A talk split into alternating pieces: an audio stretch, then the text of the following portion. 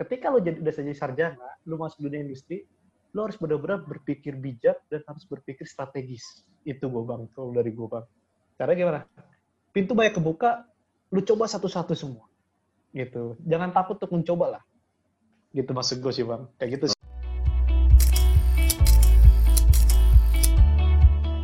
Selamat datang di Ngeker, ngepoin kerjaan. Bincang-bincang pengalaman kerja orang di sekitar kita. Karena di balik dunia kerja pasti selalu ada cerita. Kali ini gua akan bahas kepoin kerjaan teman-teman gua. Uh, di sini udah ada dua narasumber kita. Uh, mungkin boleh diperkenalkan diri langsung aja, uh, sebut aja namanya, kerjaannya apa sekarang, posisi di di perusahaannya. Oke. Halo Bang Pipin. Halo, halo. Gua Ben Rumah PA. Kebetulan gua sama Bang Pipin ini temen S2 di Jakarta ya. Ya. Sekarang gue sih di Bandung stay-nya. Gue di Bandung stay, udah tiga tahun lah gue Bandung stay. So far sih kalau COVID tergolong aman di sini ya. Tapi tetap perusahaan gue kena dampak banget. Gue sekarang tuh ada di perusahaan di bidang asuransi. Dan gue sekarang bercipu memang gue di orang lapangan bagian risk management dan juga quality control bisnisnya. Cuma kalau secara dampak tuh terkait COVID ini gila lah. Kena, kena, kena banget bro. Berarti aja, lo sekarang di sebuah perusahaan asuransi multinasional ya? Iya, betul, betul. Di Jakarta sekarang dipindah berarti di, Pandu- di Bandung ya sekarang ya? stay-nya. Iya, gue kebetulan stay Bandung, megang area Jawa Barat dan juga sebagian area Jawa Timur gue. Oke, terima kasih Bang Ben. Oke, Oh, mungkin yoi. selanjutnya Bang Miki. Halo semuanya. Wah ini nyantai banget di sini. Enggak ada yang dibatasin kan ya? Takutnya ada. di gitu. Aman. Se- Sensor belakangan, sensor belakang nggak live ini. Oke iya. Oke, saya salam kenal nih buat Bang Pipin dan Bang Ben. Kenalin Halo. gua Miki. Ya, mungkin nggak pakai emosi ya, Miki aja cukup. Ya, saat ini gua kerja di Jakarta. Oh enggak deh, gua kerja di BSD. Gua di bagian marketing dan komunikasi di salah satu perusahaan IT. So far untuk COVID ini gua nggak terlalu terdampak karena memang pola kerjanya di bidang internet ya. Jadi nggak nggak ada nggak ada banyak hal yang benar-benar drastis. Malah kadang ketika gua lihat ini pembukaan aja ya. Ketika gua lihat data-data ternyata ada berkahnya gitu loh ada beberapa hal yang tadinya kurang bagus ternyata ada dampak positifnya secara angka gitu sih. Untuk pembukaan itu dulu aja. Takutnya banyak-banyak bingung nanti. Sobat Ngeker, mereka ini satu di perusahaan asuransi, satu lagi di perusahaan yang bergerak di bidang IT sih. Uh, dan mereka ini sebenarnya kita ketemunya pas sama-sama uh, apa ya belajar bareng di bidang komunikasi nih kalau nggak. Jadi kita ketemu bareng dan akhirnya gua pikir wah mereka cocok nih jadi narasumber nih sebenarnya uh, kita kan tahu nih banyak profesi-profesi yang ada di sekitar kita tapi kita nggak pernah tahu bahwa ada jabatan-jabatan tertentu dengan fungsi-fungsinya masing-masing gitu. Nah sekarang uh, gue nanya ke Bang Ben dulu nih. Oke, oke Bang, oke Uh, Bang. Bang Ben kan di, bergerak di bidang asuransi nih Bang. Uh, di masa pandemi ini sebenarnya potensi karir masih tetap oke ya di dunia asuransi ya, masih nggak ada problem ya. Walaupun No secara nggak ada problem. secara penjualan mungkin sedang ya tadi tadi nahan-nahan lah istilahnya.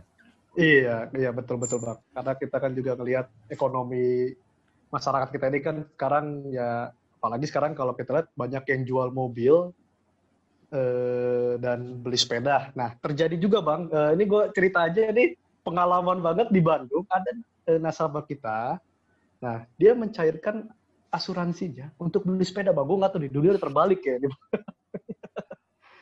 dia nutup asuransinya dan dia beli sepeda itu bagi gue wow karena itu sepeda itu udah jadi konsumsi untuk sehari-hari lah untuk covid Yes, ini lah malah daripada jadi asuransi ya itu yang bisa- bikin kita bingung nih Bisa masuk ini kali ya primer malah ya. Padahal yang dulu sekunder sekarang mulai Betul, jadi Bang. primer. Primer karena tren mungkin. Heeh. Betul betul lah kayak gitulah tapi so far sejauh ini berjalan baik sih semua Nah kalau Bang Miki sendiri nih sebagai salah satu provider kenamaan di Indonesia nih perusahaannya, kira-kira kalau untuk potensi eh, pekerjaan gimana nih? Kira-kira di masa pandemi ini, apakah peluang karir masih tetap dibuka? Apakah eh, ada batasan-batasan tertentu mungkin?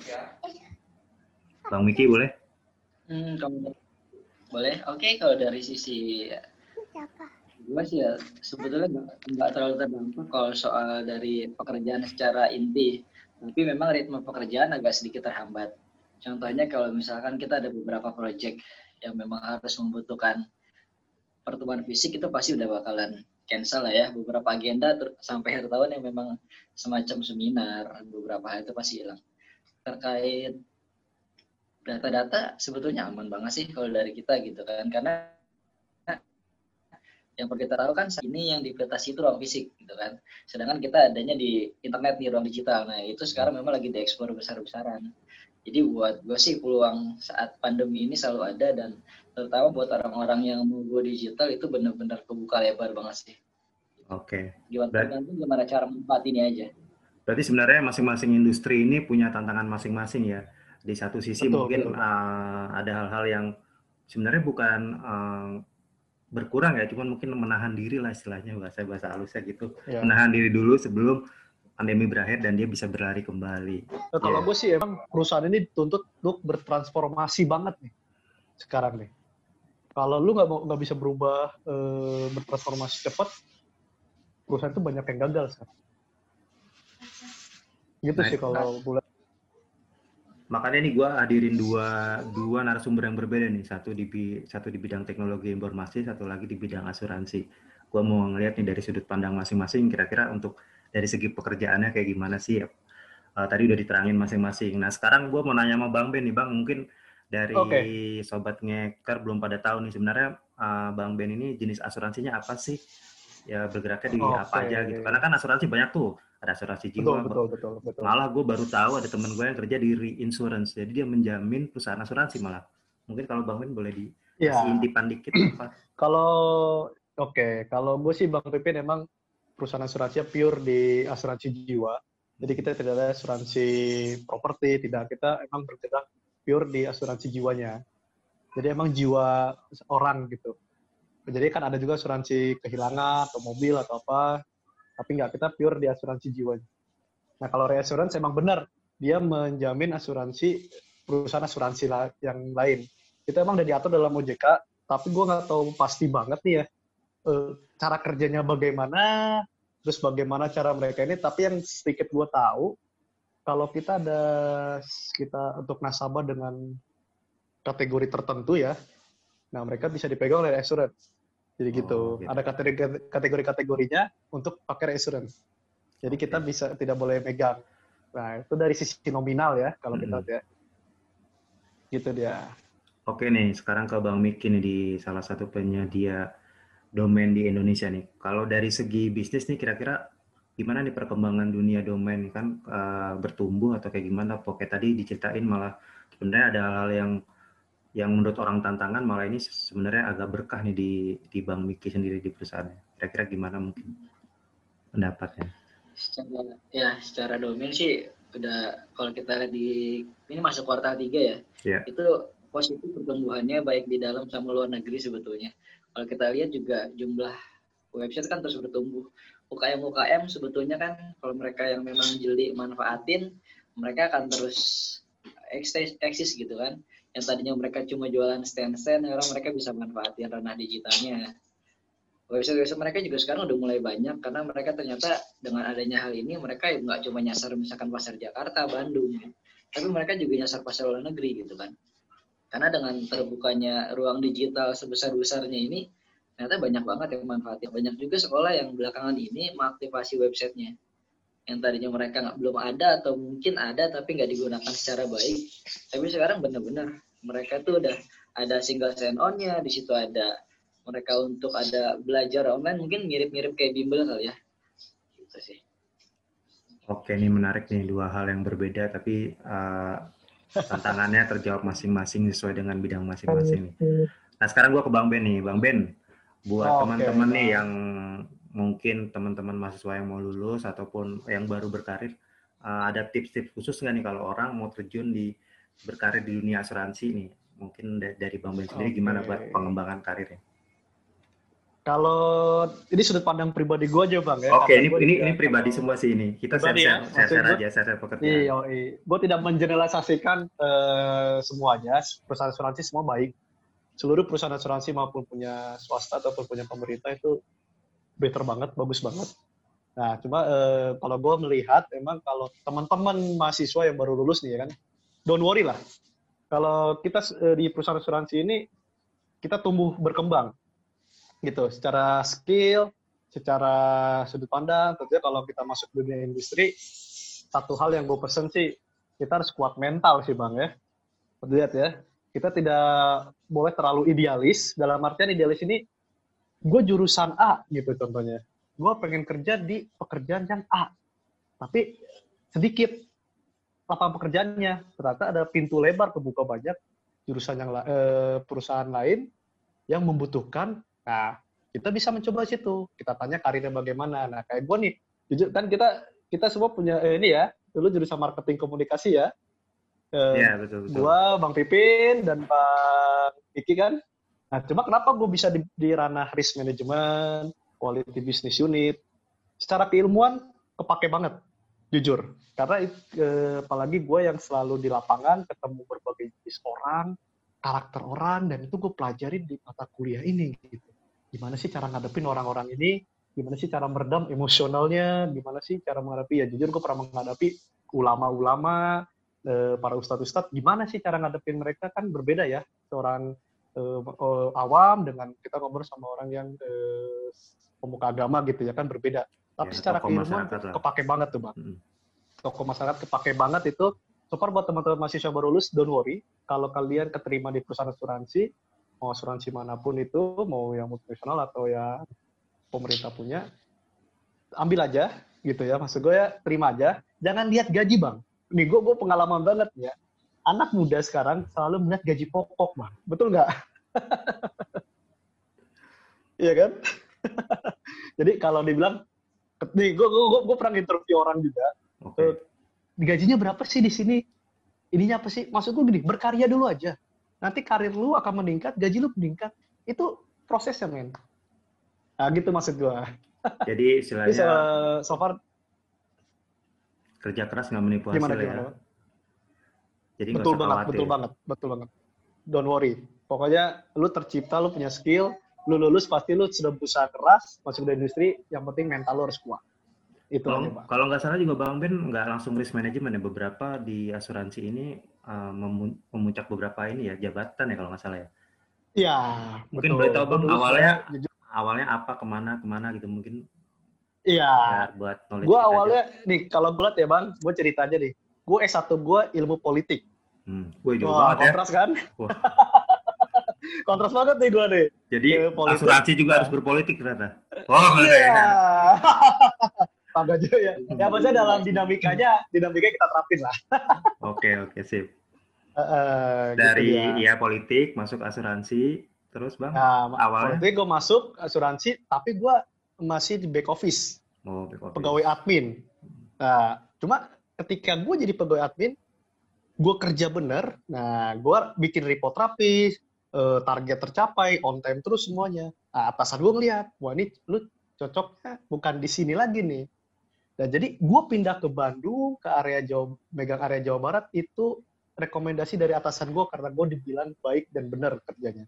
Maksud gue, lu jangan meremehin pekerjaan-pekerjaan kecil, karena bos lu akan melihat itu. Gitu. Dari kecil akan dilihat secara besar, Bang. Nah, makanya gue sekarang, betulan, eh, puji Tuhan ya, gue pegang area Jawa Barat dan Jawa, Jawa Timur, tantangannya lebih berat banget. Nah, terus tapi so far sih gue dengan ilmu-ilmu, dengan nasihat-nasihat dari teman-teman, dari orang-orang tua kita ya, gue menjalani itu dengan maksimal juga gitu. Jadi tidak gue sia-siakan kesempatan ini gitu. Okay. Tapi secara keilmuan emang gue kontra sama yang apa yang dijalani sekarang dengan Malah, jurusan gue ya. Habis politik lanjut ke komunikasi kita ya. Uh, Wah itu dia ke Markom lagi ya. buat teman-teman sobat ngeker bisa tahu kan bahwa sebenarnya kalau kita benar-benar kerja keras sudah gak usah khawatir deh jangan meminta segala sesuatu dari awal gitu jadi tapi kalau kita Betul. terus menekuni hal yang kita lakukan ya pasti akan dilihat lah sama atasan kita juga Yo, betul, Oke. Okay. Bang. Selanjutnya ke Bang Miki nih, Bang Miki. Bang Miki sebenarnya banyak juga nih kisah menarik nih. Kira-kira Bang bisa ceritain uh, Iya. Dari mungkin dari ini deh, dulu berkarya di apa aja sampai sekarang ke di bidang teknologi nih, Bang Miki nih, boleh diceritain boleh? sebelumnya saya sempat di ini ya sempat di media gitu kan dulu tuh sebetulnya di media pun bukan bagian wartawan sih tapi kebetulan aja kadang dapat job desknya sering awal pemberitaan ya karena kan kita walaupun cari iklan kan mesti jaga klien kan gitu ya Ya betul. Nah, itu ilmu komunikasinya kepake banget ya sebetulnya bagaimana kita menjaga relasi ya. Akhirnya kita dari dari yang cuman harusnya bertujuan pasang iklan ternyata bisa dapat sesuatu oh. yang jelas banyak gitu loh. Kalau boleh tahu Bang, dulu posisinya apa Bang? Uh, nama oh, dulu tuh nama posisinya. Ya? Nah, kon oh, kon eksekutif ya di salah satu perusahaan pemberitaan ya. Media cetak ya, ya kalau salah ya, media cetak ya. Media cetak, media cetak gitu. Okay. Nah, itu di, di tesis juga waktu itu tuh. Menarik oh. soalnya kan dari media cetak ke sekarang yang dunia digital ya di salah satu ya, media betul. domain ya. Tapi, betul, tapi awalnya sebetulnya nggak di bagian ini sih pas di pas awal-awal karir di sana gitu kan. Dulu tuh lebih ke admin media sosial. Jadi yang memang nggak hmm. punya basic untuk desain tapi karena memang ya dulu tuh senang gitu kan sama dunia desain belajar juga dari Bang Pipin waktu itu kita berapa kali kuliah belajar cara desain tuh kayak gimana sih yang baik kita sering-sering lah sering-sering Iya, waktu ngobrol itu terima gara-gara itu. Jadi sering ngedesain, bikin buat sosial media, buat postingan gitu kan. Awalnya itu Wah, makanya ternyata di sini teman-teman juga mesti tetap apa ya soft skill mesti ditingkatin gitu loh. Karena kita nggak pernah tahu sebetulnya pekerjaan mana yang bakalan datang untuk kita. Kadang-kadang tuh nggak sesuai sama jurusan kayak yang tadi Bang Ben katain gitu kan. Kalau Bang Mik ini dari awal udah komunikasi ya? Satunya juga komunikasi kalau nggak salah yang satu komunikasi cuman lebih lebih ini sih lebih apa ya lebih enggak lebih bersyariah enggak lebih bersyariah. Iya semua gitu. Karena di salah satu universitas di daerah selatan yang ya. oh iya. tahu iya. semua lah. Universitas bagus itu bang. Dan juga ya dari bang Miki bahwa sebenarnya uh, benar juga sih walaupun kita bekerja di salah satu bidang atau posisi tapi kalau kita punya passion ditekunin aja. Kayak tadi tuh dia belajar gimana sih desain yang baik sama akhirnya suatu saat begitu pengembangan karir bisa istilahnya jadi apa pijakan ya. Akhirnya bisa pindah ke, ke posisi yang lain dan malah sekarang karirnya makin moncat nih kalau nggak salah. Amin.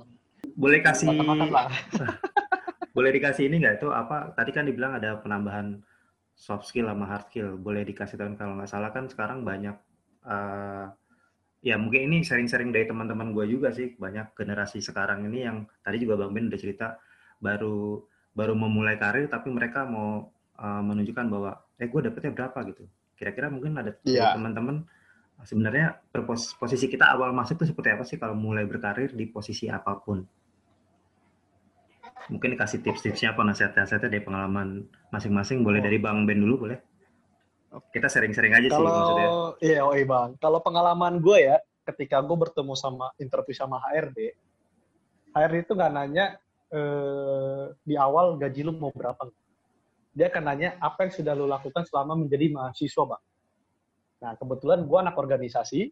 Pada saat gue S1 gue organisasi ikut dan ada bukti-buktinya cara kita ngomong udah beda sama mahasiswa yang mungkin eh, dari sisi berorganisasi kurang. Nah, jadi HRD meyakinkan bahwa anak mahasiswa ini berkarakter, bahwa ini berkarakter dan gue memang diterjunkan langsung ke bagian administratif.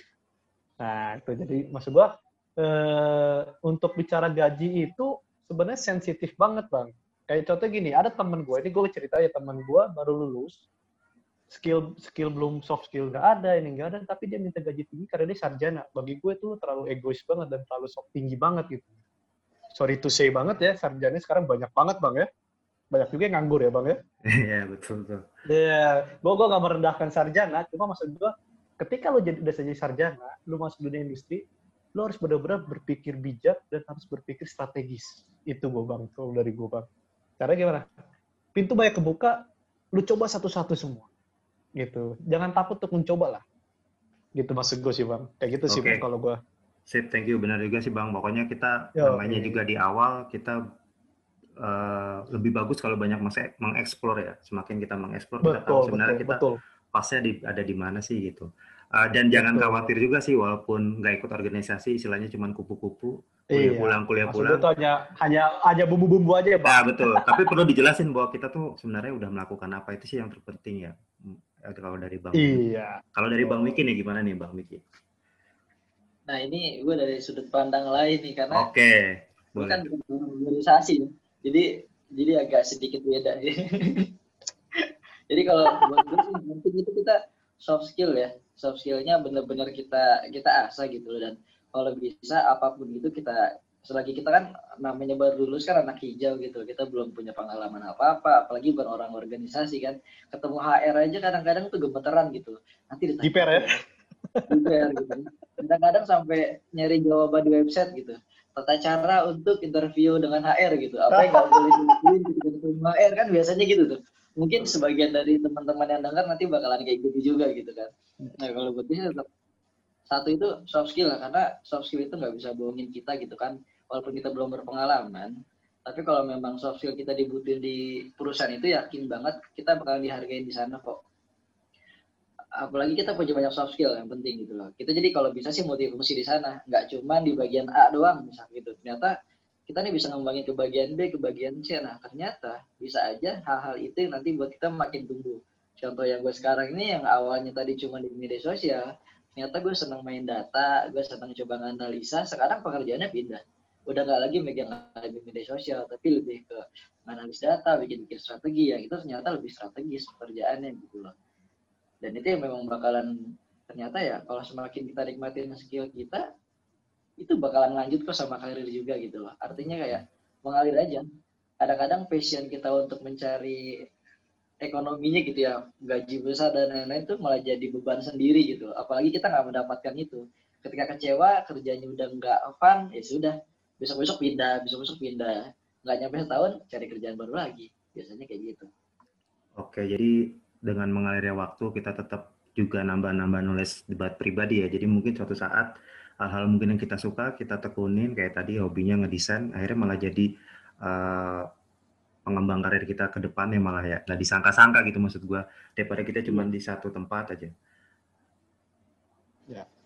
Oke. Setuju, setuju banget gue nih bang. Ini eh, boleh tahu sih kalau teman-teman ini eh, sebenarnya udah dari pertama kali bekerja sampai sekarang udah berapa tahun sih eh, bekerja di di dunia industri yang sekarang? Mungkin dari Bang Ben boleh Oh, tahu. oke. Kalau gue sih ini jalan 8 tahun bang ya Oh, untuk 8 di tahun, industri.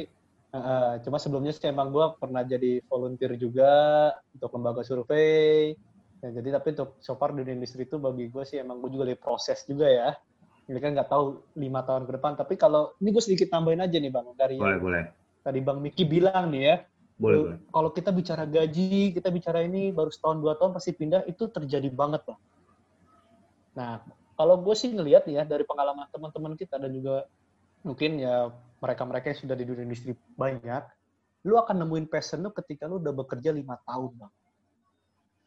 Nah itu, jadi ketika ada lima tahun kita akan pengen tahu nih, gue sebenarnya cocok gak sih di dunia industri asuransi? Gue sebenarnya cocok gak sih di dunia media? Nah kayak gitu, itu akan akan muncul pertanyaan kayak gitu dalam diri lo. Dan itu akan mencoba mengeksplor yang lain. Ternyata skill gue di sini, skill gue di sini gitu. Tapi so far soft skill memang harus tingkatin terus bang. Itu kuncinya bang. Oke. Jadi pendapat kita ya soal soft skill. Nah, Yoi. kalau Bang Bang Miki sudah berapa tahun berkarir, Bang? Mungkin boleh di-sharing dikit. Total sih sekarang sudah sekitar 5 sampai 6 tahun total ya. Tapi kalau dihitung sama freelance-freelance kayak tadi survei kayaknya dari zaman kuliah tuh ya biasalah mahasiswa ya Ya. punya banyak kebutuhan untuk bertahan hidup biasanya juga. Tapi itu memang benar-benar ngasah kita secara mental sih. Nah, 5 tahun sampai 6 tahun belakangan itu yang sekarang sudah dijalanin ya benar kata Bang Ben tadi. Itu ternyata memang bikin kita dapat jawaban gitu. Kalau misalkan cuma satu tahun atau nggak nyampe setahun kita udah pindah itu kadang-kadang kita tuh nggak kebentuk secara mental sama secara fashion juga gitu. Karena ya cuma pemburu gaji tinggi gitu kan. Kita lama-lama nggak kebentuk tapi sih kalau menurut gua lebih baik kita tetap coba bertahan. Yang memang mungkin minimal tiga tahun udah udah lumayan oke lah gitu di satu perusahaan di mana kita pun juga mulai bisa mengeksplor diri. Dan secara pengalaman keorganisasian di satu perusahaan juga udah mulai bagus gitu kan. Mungkin juga kalau misalkan HR HR ngelihat ketika wah nih kalau anak tiap tahun loncat-loncat ada apa ya gitu jangan-jangan bukan masalah di, bukan masalah di perusahaannya tapi masalah di anaknya nih nah itu kadang-kadang yang anak baru itu pada nggak paham Nah, itu mungkin eh, sharing-sharing pengalaman aja dari Bang Miki dan Bang Ben buat teman-teman semua yang baru memulai karir. Uh, Oke. Buat teman-teman mungkin di sini kita diskusinya diskusi bebas ya. Jadi kita nggak mencari pembenaran. Oh, karena masing-masing masing-masing profesi masing-masing pekerjaan itu punya pengalaman masing-masing ya dan punya sudut pandangnya masing-masing. Di sini kita cuma share mungkin buat teman-teman siapa tahu aja bisa bermanfaat. Jadi ketika memulai karir petnya uh, tidak salah di bukan tidak salah ya maksudnya udah tahu nih gue mau ke mana nih kira-kira kalau ini udah gak membuang lebih banyak waktu mungkin bisa dibilang gitu ya membuang banyak waktu di satu tempat ya. Mungkin iya. dari kesimpulan yang gue dapat Nah, tapi ada yang menarik nih Bang Pin, coba yeah. mau coba kasih saran lagi. Kalau bisa sih kalau mau cari perusahaan itu perusahaan yang memang untuk ke karyawannya itu bagus dari sisi mereka sering ngasih pelatihan. Gitu. Nah, nah itu kalau bisa dimanfaatin betul-betul gitu. Jangan jangan sampai ketika perusahaan itu ngasih pelatihan kita nggak pernah aware sama itu. Itu kalau ya. bisa terus aja. Kalau misalkan dapat ambil, dapat ambil karena suatu saat pelatihan itu nggak cuma berguna untuk perusahaan, tapi untuk diri kita sendiri ke depannya. Oh, setuju, setuju, setuju. Gue setuju banget nih Bang bikin. Keren ya. Oke, ini gue jadi iya. teringat pembicaraan di salah satu gedung perjuangan nih. Salah satu gedung perjuangan bagi kemerdekaan Republik Indonesia. Cuman saya ada sahabat kita jauh di luar pulau sana yang belum bisa bergabung. Mungkin satu saat kita bisa Aduh. bareng nih ngobrol-ngobrol. Yoi, yoi, yoi. Nanti sibuk jadi atlet e-sport kayaknya dia. Oke, okay, uh, dia. dia lagi mencari karir yang pas buat dia sepertinya. Okay. ya, Bang Miki sama Bang Ben, terima kasih yes. uh, waktunya buat sharing kita kali ini uh, di episode pertama ngeker ngepoin kerjaan. Uh, mudah-mudahan nggak bosan-bosan ya nanti suatu saat bisa kita undang lagi. Oke, Bang Ben, Bang Miki, terima kasih waktunya buat yes. malam ini kita bincang-bincang singkat di Ngeker, ngepoin kerjaan. Uh, sukses buat karir kalian semua. Ya, sukses juga buat Bang Pipin ya. Thank you banget. Ya, terima kasih. Ya mungkin sehat-sehat terus ya. Amin, sehat-sehat juga, kita, keluarga juga ya, Bang. Amin. Semoga kita ya. semua selalu di, senantiasa diberikan kesehatan. Uh, Oke, Bang. Amin. Terima kasih semua ya, Bang. Kita kumpul bareng lagi nih. Oke. Kumpul bareng lagi dong kita nih. Kumpul bareng lagi dong. Sip, sip. ya gitu aja dari ya, gue. Makasih. Uh, Wassalamualaikum warahmatullahi wabarakatuh. Thank you banget, Bang.